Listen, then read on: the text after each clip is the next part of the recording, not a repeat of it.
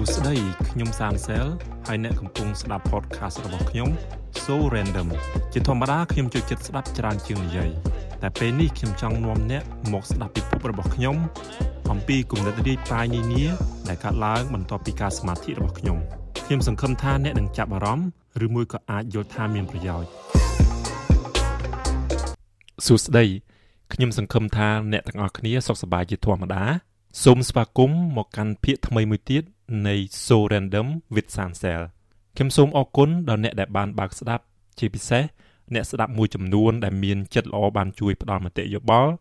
ប្រាប់ឲ្យខ្ញុំបានដឹងថាលោកអ្នកចូលចិត្តកម្មវិធីនេះខ្ញុំពិតជាសប្បាយរីករាយនឹងត្រេកអរចំពោះការគ្រប់គ្រងរបស់អ្នកទាំងអស់គ្នា ក្នុងភាគនេះខ្ញុំនឹងលើកឡើងអំពីហេតុអ្វីរដ្ឋាភិបាលលោកខាងលិចមួយចំនួនហាមឃាត់មិនឲ្យប្រើប្រាស់ TikTok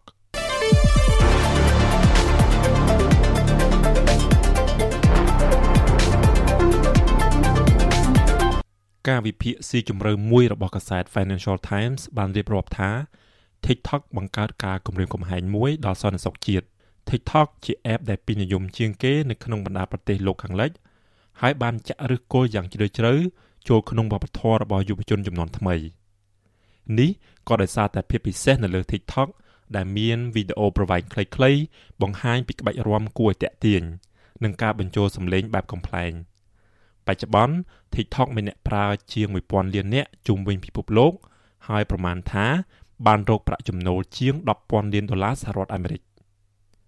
ទោះយ៉ាងណា app នេះនិងម្ចាស់ដែលជាក្រុមហ៊ុន ByteDance របស់ចិនកំពុងស្ថិតនៅចំណុចរសើបផ្សារជាថ្មីនៃរលកព្យុះសង្គ្រាមភូមិសាស្ត្រនយោបាយខណៈបណ្ដារដ្ឋាភិបាលនៅអាមេរិកខាងជើងនិងអឺរ៉ុបចាប់ផ្ដើមដាក់ចេញនូវការរឹតបន្តឹងថ្មីៗទៀតនិងពិចារណាហាមឃាត់មិនឲ្យប្រើប្រាស់ app នេះ ដោយមានក្តីបារម្ភថា TikTok ជាដៃជើងប្រមូលវិកខ្ចប់យកព័ត៌មានទិន្នន័យប្រគល់ទៅឲ្យរដ្ឋាភិបាលចិន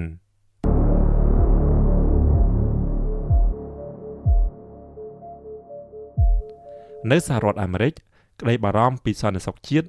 ឡើងកម្ដៅចាប់តាំងពី Biden បានបង់ប្រាក់ចំនួន1000លានដុល្លារទិញ app ពេញនិយមមួយឈ្មោះ Musical.ly កាលពីឆ្នាំ2017ដែលបានយកមកចាត់បាច់បញ្ចូលគ្នាជាមួយ TikTok ដើម្បីអន្តងចិត្តឲ្យអ្នកប្រើប្រាស់ដែលជាយុវជនអាមេរិកគណៈកម្មការវិនិយោគបរទេសរបស់សហរដ្ឋអាមេរិកបានបើកការស៊ើបអង្កេតមួយកាលពីចុងឆ្នាំ2019លើការច្របាច់បញ្ចូលគ្នានេះរយៈពេលប៉ុន្មានខែបន្ទាប់ពីរដ្ឋបាលរបស់លោកត្រាំបានដាក់ក្រុមហ៊ុន Huawei របស់ចិនមួយទៀតនៅក្នុងបញ្ជី entity ដែលរដ្ឋបិទជាខ្លាំងដល់លទ្ធភាពរបស់ក្រុមហ៊ុនធ្វើការរកស៊ីនៅសហរដ្ឋអាមេរិក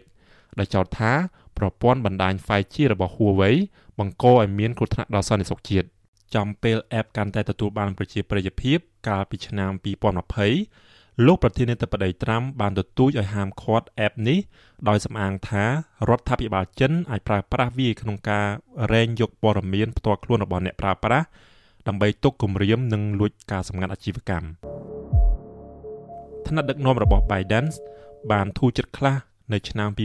2021 នៅពេលដែលលោកប្រធានាធិបតីថ្មី Biden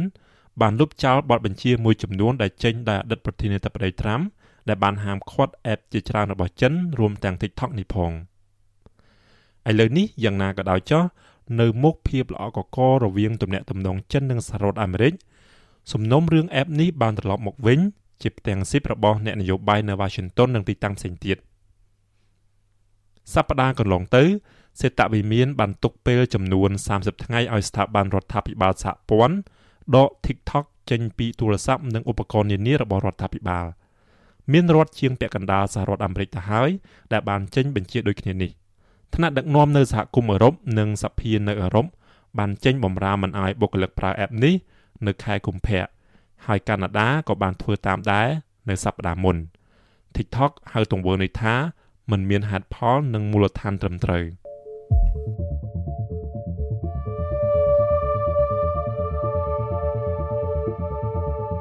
កាលពីថ្ងៃពុធកន្លងទៅគណៈកម្មការកិច្ចការបរទេសដែលដឹកមុខដោយគណៈបកសាធារណរដ្ឋបានអនុម័តលើច្បាប់មួយ ដែលប្រសិនជាទទួលបានការយល់ព្រមពីសភានិងព្រឹទ្ធសភាអាចបើកផ្លូវឲ្យលោក Biden មានសិទ្ធិអំណាចហាមឃាត់ TikTok នៅទូទាំងសហរដ្ឋអាមេរិកតែម្ដង ច្បាប់នេះត្រូវខាងគណៈបកប្រជាធិបតេយ្យជំទាស់ហើយមិនទាន់ច្បាស់ឡើយថាច្បាប់នេះអាចនឹងធ្លាក់ដល់ដៃតុករបស់លោកប្រធានាធិបតីឬក៏យ៉ាងណាប៉ុន្តែរឿងច្បាស់នៅក្នុងសភានោះគឺវាដូចទៅនឹងករណី Huawei អញ្ចឹងដែរ TikTok គឺជាការគំរាមកំហែងមួយ ហើយគេត្រូវតែបញ្ឈប់វាជាដាច់ខាតប្រធានតំណាងគណៈបកសាធារណរដ្ឋនៃគណៈកម្មការកិច្ចការបរទេសលោក Michael Michael បានចោទពេញពេញមាត់ថា អ្នកដែល download TikTok ក្នុងទូរស័ព្ទបានបើកទ្វារឲ្យគណៈបកកុម្មុយនីសចិនចូលមកប្រមូលទិន្នន័យផ្ទាល់ខ្លួនទាំងអស់របស់ពួកគេវាប្រៀបដូចនឹងមានពេទ្យប៉ោងចារកម្មនៅក្នុងទូរស័ព្ទដៃអញ្ចឹងដែរ TikTok កំពុងពិបាកសម្រេចការព្រមព្រៀងមួយជាមួយរដ្ឋាភិបាលរបស់លោក Biden ដែល TikTok និយាយថាដំណោះស្រាយនោះនឹងជួយការពារទិន្នន័យឯកជនរបស់អ្នកប្រើប្រាស់នៅសហរដ្ឋអាមេរិកលោក Yu Zhijiao អគ្គនាយកក្រុមហ៊ុន TikTok នឹងចូលស្រាយបំភ្លឺចំពោះមុខសភា នៅចុងខែមីនានេះកាសែត Financial Times បញ្ជាក់ថាជោគវាសនារបស់ TikTok នឹងត្រូវពឹងលើសមត្ថភាពនិងលទ្ធផលការបកស្រាយរបស់លោកអគ្គនាយកក្រុមហ៊ុន នៅចំពោះមុខគណៈកម្មការពាណិជ្ជកម្មនិងធម្មពលរបស់រដ្ឋសភា នៅថ្ងៃទី23ខែមិនិនា នៅខាងក្រោយឆាកបុគ្គលិករបស់ TikTok កំពុងញាប់ដៃញាប់ជើងត្រៀមគ្រប់យ៉ាងសម្រាប់លោកអគ្គនាយកក្រុមហ៊ុនដើម្បីឡើងឆ្លើយបំភ្លឺ គេរំពឹងថាសភាមិនត្រឹមតែឆ្កឹះសួរដេញដោលតែពីបញ្ហាការចូលយកទិន្នន័យអ្នកប្រើប្រាស់ដែលបកកុម្មុយនីចិនតែមួយប៉ុណ្ណោះនោះទេ ថែមទាំងនឹងសួរអំពីអធិពលរបស់ app មកលើកុមារហើយសភានឹងដកសួរថាតើ TikTok អាចការពារសវត្ថភាពកុមារពីគ្រោះថ្នាក់ទាំងលើអនឡាញនិងខាងក្រៅបានដូចម្តេច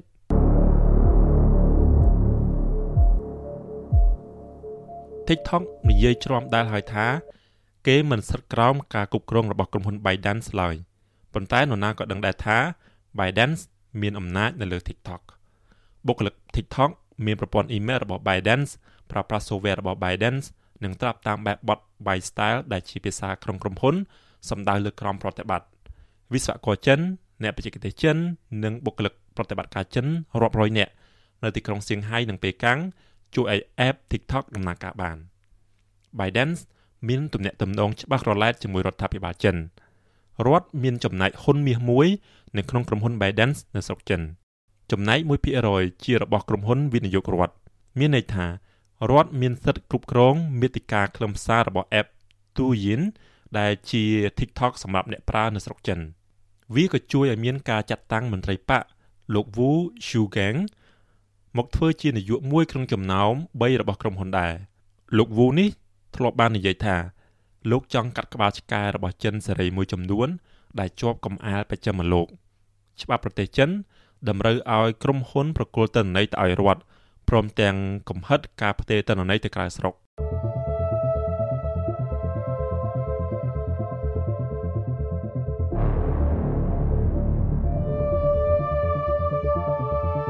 មានអ្នកមួយចំនួននៅក្នុងរដ្ឋបាលលោក Biden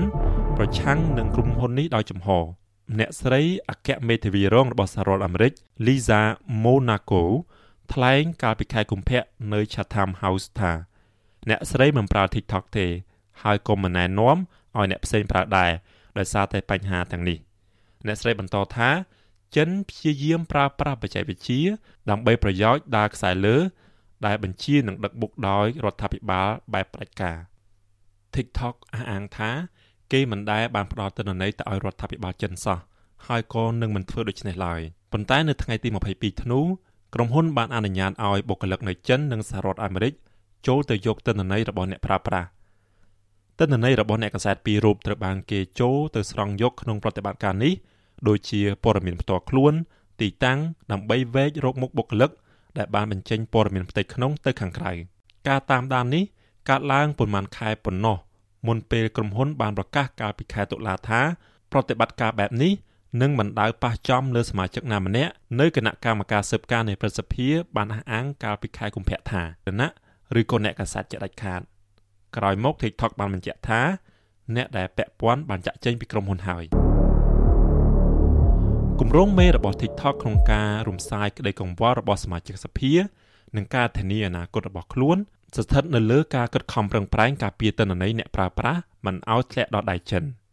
នៅអឺរ៉ុបគេក្រុងដំណើរការមជ្ឈមណ្ឌលទិន្នន័យចំនួន3នៅអឺរ៉ុបផ្ទាល់ដើម្បីផ្ទុកទិន្នន័យរបស់អ្នកប្រើប្រាស់អឺរ៉ុបជាង150លានគណនីជាជាងដាក់នៅសហរដ្ឋអាមេរិកឬក៏សិង្ហបុរី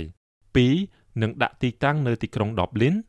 ហើយដែល TikTok បានវិនិយោគទឹកប្រាក់ចំនួន600លានដុល្លារដើម្បីដំណើរការទីតាំងទាំងពីរចំណែកទីតាំងទី3 មិនទាន់ច្បាស់ថានៅកន្លែងណាឡើយនៅសហរដ្ឋអាមេរិក TikTok បានចំណាយជាង1500លានដុល្លារលើគម្រោង Texas ដែលជាផែនការរុះរើក្បាលម៉ាស៊ីនក្រុមហ៊ុន ដើម្បីការពារទិន្នន័យអ្នកប្រើប្រាស់តាមរយៈកិច្ចសហប្រតិបត្តិការជាមួយក្រុមហ៊ុន Oracle ដែលជា cloud software របស់សហរដ្ឋអាមេរិកនៅក្នុងពេលប្រមាណខែខាងមុខទិន្នន័យអ្នកប្រើប្រាស់នឹងផ្ទេរទៅ Oracle Cloud ហើយទិន្នន័យរបស់អ្នកប្រើប្រាស់ថ្មីនឹងផ្ទុកនៅលើ server របស់ក្រុមហ៊ុននេះតែមួយគត់ Oracle បានចាប់ផ្ដើមអង្កេតលើប្រភពកូដរបស់ TikTok ដែលរចនាសម្ព័ន្ធក្រុមមេបច្ចេកវិទ្យាជួយឲ្យ app TikTok ដំណើរការទៅបានដើម្បីស្វែងរកហានិភ័យសុវត្ថិភាពនៅក្នុងសំណើបច្ចុប្បន្នភាគីទី3រួមទាំងគណៈកម្មការវិនិយោគបរទេសរបស់សហរដ្ឋអាមេរិកនិងរដ្ឋាភិបាលសហរដ្ឋអាមេរិកនឹងមានសិទ្ធិសម្រេចលើផ្នែកខ្លះនៃអាជីវកម្មរបស់ TikTok ក្រុមហ៊ុន TikTok US Data Security Inc កំពុងត្រូវបង្កើតឡើងជាក្រុមហ៊ុនបត់សម្ព័ន្ធថ្មីរបស់ TikTok ដែលដឹកនាំដោយគណៈនាយកឯករាជ្យមួយក្រុម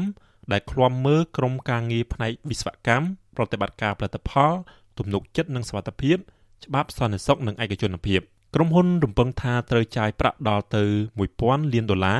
លើផែនការទាំងនេះក្នុងរយៈពេល1ឆ្នាំ រួមទាំងការចំណាយលើប្រាក់ខែបុគ្គលិកសាវនករពីខាងក្រៅនិងតម្រួតប្រភពកូដក្រុមហ៊ុននេះនិយាយថា វិធានការដែលខ្លួនកំពុងធ្វើនេះគឺល្អហួសលើសពីក្រុមហ៊ុនផ្សេងៗដែលកំពុងធ្វើក៏ប៉ុន្តែសហរដ្ឋអាមេរិកនៅក្តាប់កិច្ចព្រមព្រៀងនឹងដៃមិនព្រមប្រឡែងនៅឡើយបន្ទាប់ពីការចរចាជាច្រើនឆ្នាំនេះបើតាមបុគ្គលិកជាន់ខ្ពស់របស់ TikTok 2នាក់សម្រាប់សមាជិកសភា ការប្រមូលយកទិន្នន័យមិនមែនជាក្តីបារម្ភតែមួយគត់នោះទេនៅលើ app Douyin ដែលជា TikTok ប្រើនៅស្រុកចិនក៏គ្រប់គ្រងដោយ ByteDance ហើយកុមារក្រោមអាយុ14ឆ្នាំភាគច្រើនចូលមើលមេតិការអប់រំជាជាងការកំសាន្តលោក Mark Warner ប្រធានតំណាងខាងគណៈបកប្រជាធិបតេយ្យនៅគណៈកម្មការស៊ើបការនៃប្រសិទ្ធិបានអះអាងកាលពីខែកុម្ភៈថា that the TikTok that we get in America or for that matter anywhere else in the world other than China is a very different product. What happens in China is there is a TikTok that encourages you to be scientists. It says good things about President Xi. It, it focuses on STEM education. You know, it's kind of like the eat the spinach version of TikTok that go to the Chinese people whereas the rest of the world gets this addictive TikTok that may emphasize a lot of things that are maybe not as attractive algorithms ឬក៏យើងអាចហៅថាបច្ចេកវិទ្យានិម្មិតដែលមើលចិត្តមនុស្សធ្លុះបាន ជួយឲ្យ TikTok បង្ហាញពីមេតិកាដែលអ្នកចូលចិត្តមើលគឺត្រូវកំណត់ដោយទីក្រុងប៉េកាំងនៅចិនលោកបន្តថាប្រសិនអ្នកសង្កេតពីអ្វីដែលកុមារចិនមើលឃើញមេតិកាប្រភេទណា នៅ TikTok ចិនដែលភាគច្រើនផ្ដោតលើវិទ្យាសាស្ត្រនិងវិស្វកម្មរួចយកមកប្រៀបធៀបនឹងអ្វីដែលក្មេងៗនៅសហរដ្ឋអាមេរិកនិងជុំវិញពិភពលោកមើលនោះគឺវាជាប្រភេទមេតិកាខុសគ្នាដាច់ស្រឡះតែម្ដងដូច្នេះការប្រមូលទិន្នន័យទាំងពីរ វាជាឧបករណ៍នយោបាយហើយនេះជាក្តីកង្វល់មែនទែនតែម្ដង។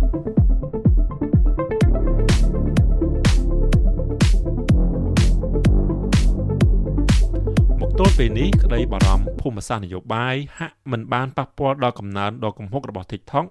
នៅលោកខាងលិចសោះដែលសហរដ្ឋអាមេរិកអង់គ្លេសនិងអឺរ៉ុបជាទីផ្សារធំធំជាងគេ ចំណូលរបស់ TikTok ភាគច្រើនបានមកពីការផ្សាយពាណិជ្ជកម្ម ដោយមានក្រុមហ៊ុនជាច្រើនងាកមកជះលុយផ្សាយពាណិជ្ជកម្មលើ TikTok ដោយងាកចេញពីការផ្សាយតាមប្រព័ន្ធចាស់ដូចជា Facebook និង Instagram អ្នកដែលផ្សាយពាណិជ្ជកម្មមួយចំនួននិយាយថាភាពតានតឹងរវាង TikTok និងរដ្ឋាភិបាលមួយចំនួនមិនបានធ្វើឲ្យគេកាត់បន្ថយខ្ទង់ចំណាយនោះទេ ពួកគេអះអាងថា ក្តីបារម្ភរឿងសន្តិសុខអំពី TikTok មិនមានអ្វីថ្មីនោះទេ បើអ្នកប្រើប្រាស់យល់អំពីការប្រមូលទិន្នន័យដែល app ប្រមូលយកពីពួកគេប្រកាសណាស់ពួកគេនឹងមិនប្រើ TikTok ទេប៉ុន្តែការអត់អើពើនេះហើយដែលជាកំណប់មហាសាលសម្រាប់អ្នកផ្សព្វផ្សាយពាណិជ្ជកម្មរឿងដែលសំខាន់គឺ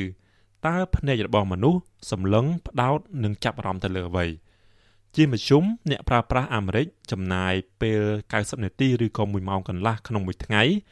លេង TikTok ដោយសារ algorithm ដ៏មានឥទ្ធិពលរបស់ TikTok នេះអាចឲ្យឃើញមេតិកាដែលអ្នកប្រើជក់លេងអ្នកខ្លះនិយាយថាវាពិតជាលំបាកខ្លាំងមិនឲ្យមនុស្សប្រើ TikTok